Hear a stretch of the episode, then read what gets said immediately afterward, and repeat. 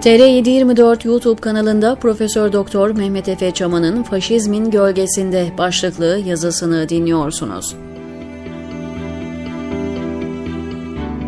Tek bir cümle yazacağım girişine bu yazının ki hiç okunmasa da en azından bu ilk cümle okunsun, akılda kalsın. Çünkü doğrudur. İnsan öğütücü bir makine Türk devleti.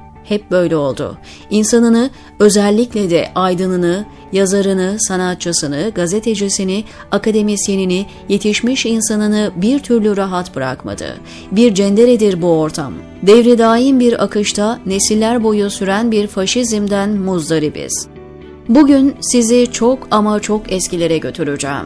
Unutulan, unutturulmak istenen, en azından hatırlanmak istenmeyen bir geçmiş.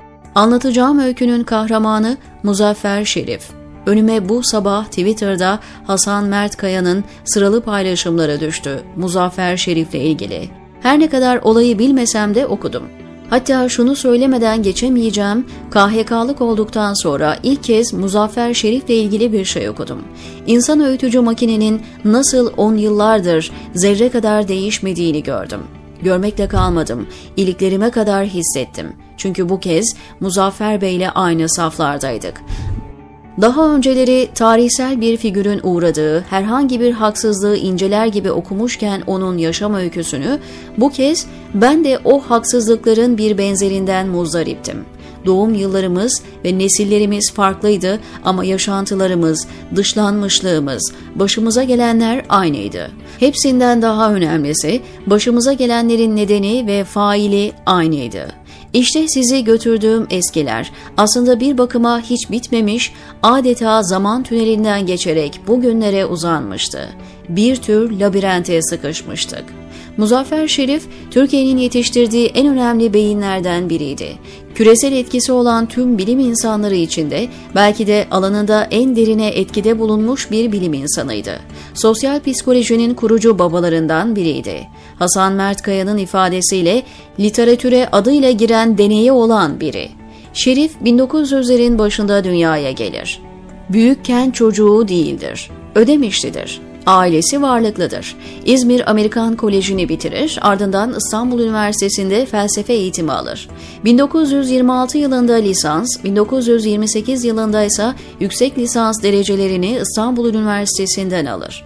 Uluslararası bir yarışmayı kazanarak ABD'deki ünlü Harvard Üniversitesi'ne okumaya gider. 1932 yılında Harvard'dan ikinci bir yüksek lisans derecesi alır. Kısa bir süre sonra Türkiye'ye döner, sonra 1933'te yeniden Harvard'a, bu kez doktora eğitimine gider. Harvard'da başladığı doktorasını Columbia Üniversitesi'nde 1935 yılında tamamlar. Toplumsal Norm Psikolojisi adlı bir eser kaleme alır. Şerif 1936'da ülkesinde çalışmak için Türkiye'ye geri döner. Ankara Üniversitesi'nde çalışacaktır. O günlerin Türkiye'si Nazi rejimine göz kırpan, faşizmin etkisine girmiş, Nazilerle savaş için önemli olan krom madeninin ticaretini yapan bir ülkedir. Zaten ırkçı nasyonalizme ve tek parti yönetimine aşina olan Türkiye'de Alman faşizme hayranlığı had safhadadır. Faşizme ve ırkçılığa karşı pozisyon alan ve görüşlerini çeşitli dergi yazıları aracılığıyla kamuoyuyla paylaşan Muzaffer Şerif'in devletin hedefi haline gelmesi uzun sürmez. TKP'ye üye olur hem komünist olması hem de Turancılığı ve Türk üstünlükçü ırkçılığı eleştirdiği için yoğun tepki alır ve dışlanma süreci başlar. 1943 yılında Irk Psikolojisi başlıklı eserinde ırkçılığı akademik olarak eleştirir ve bu kitap Türkiye'de antifaşist hareketin bir tür başucu kitabı olur. Kitabı ve yazıları şikayet edilir. 1944 yılında başka TKP'lilerle birlikte hapse atılır. Suçlama tanıdıktır. Milli menfaatlere düşmanlık. Tam 27 yıl hapis cezasına çarptırılır. İnanılmaz değerli bir beyin, salt, politik düşünce ve kanaatlerinden dolayı vatan haini ilan edilmiş, vatan ve millet düşmanı olarak dışlanmış, hayatı karartılmıştır.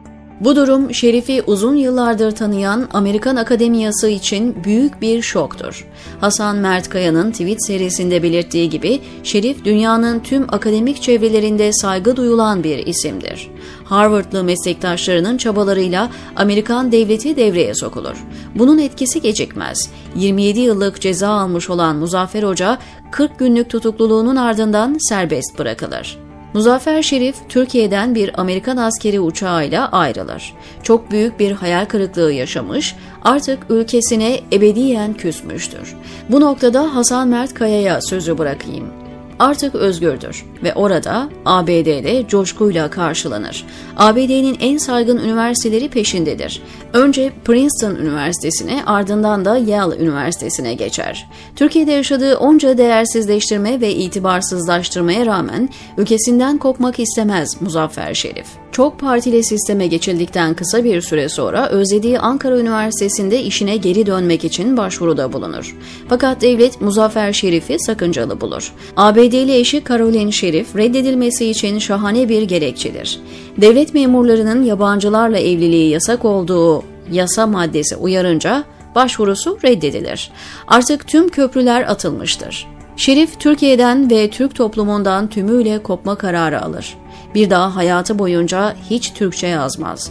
Tüm bilimsel yazılarında ve kitaplarında Muzaffer Şerif imzasını kullanır.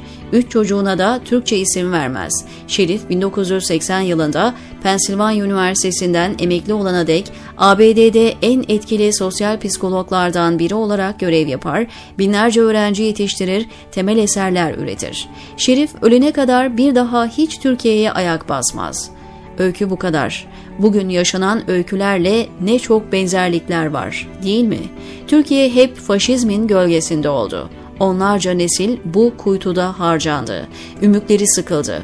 Nefes almalarına engel olundu. Sonra özgür olunmayan ortamlarda olan neyse hep o oldu. Geri kalmışlık kurumsallaştı. İlerlemenin her türü baltalandı. Birey olunmasına izin verilmeyen insanların canavarlaşarak işgal ettiği, geometrik ortalamayla çoğalan, kötülüğe teslim olan bir cehenneme dönüştü. Ve Muzaffer Hoca gibi insanlar başka ülkelere ve toplumlara katkı sundular. Evrenselle kucaklaştıkları yerleri vatan edindiler. Bu kısır döngü hiç kırılmadı. İnsan öğütücü bir makine, Türk devleti Anadolu coğrafyasının ve toplumunun cenderesidir. Mutsuzluk üretir, geridir, acımasızdır, ilkeldir, vahşidir. Hukuk devletine olan özlemimiz işte bundandır, diyor Mehmet Efe Çaman TR724'deki köşesinde.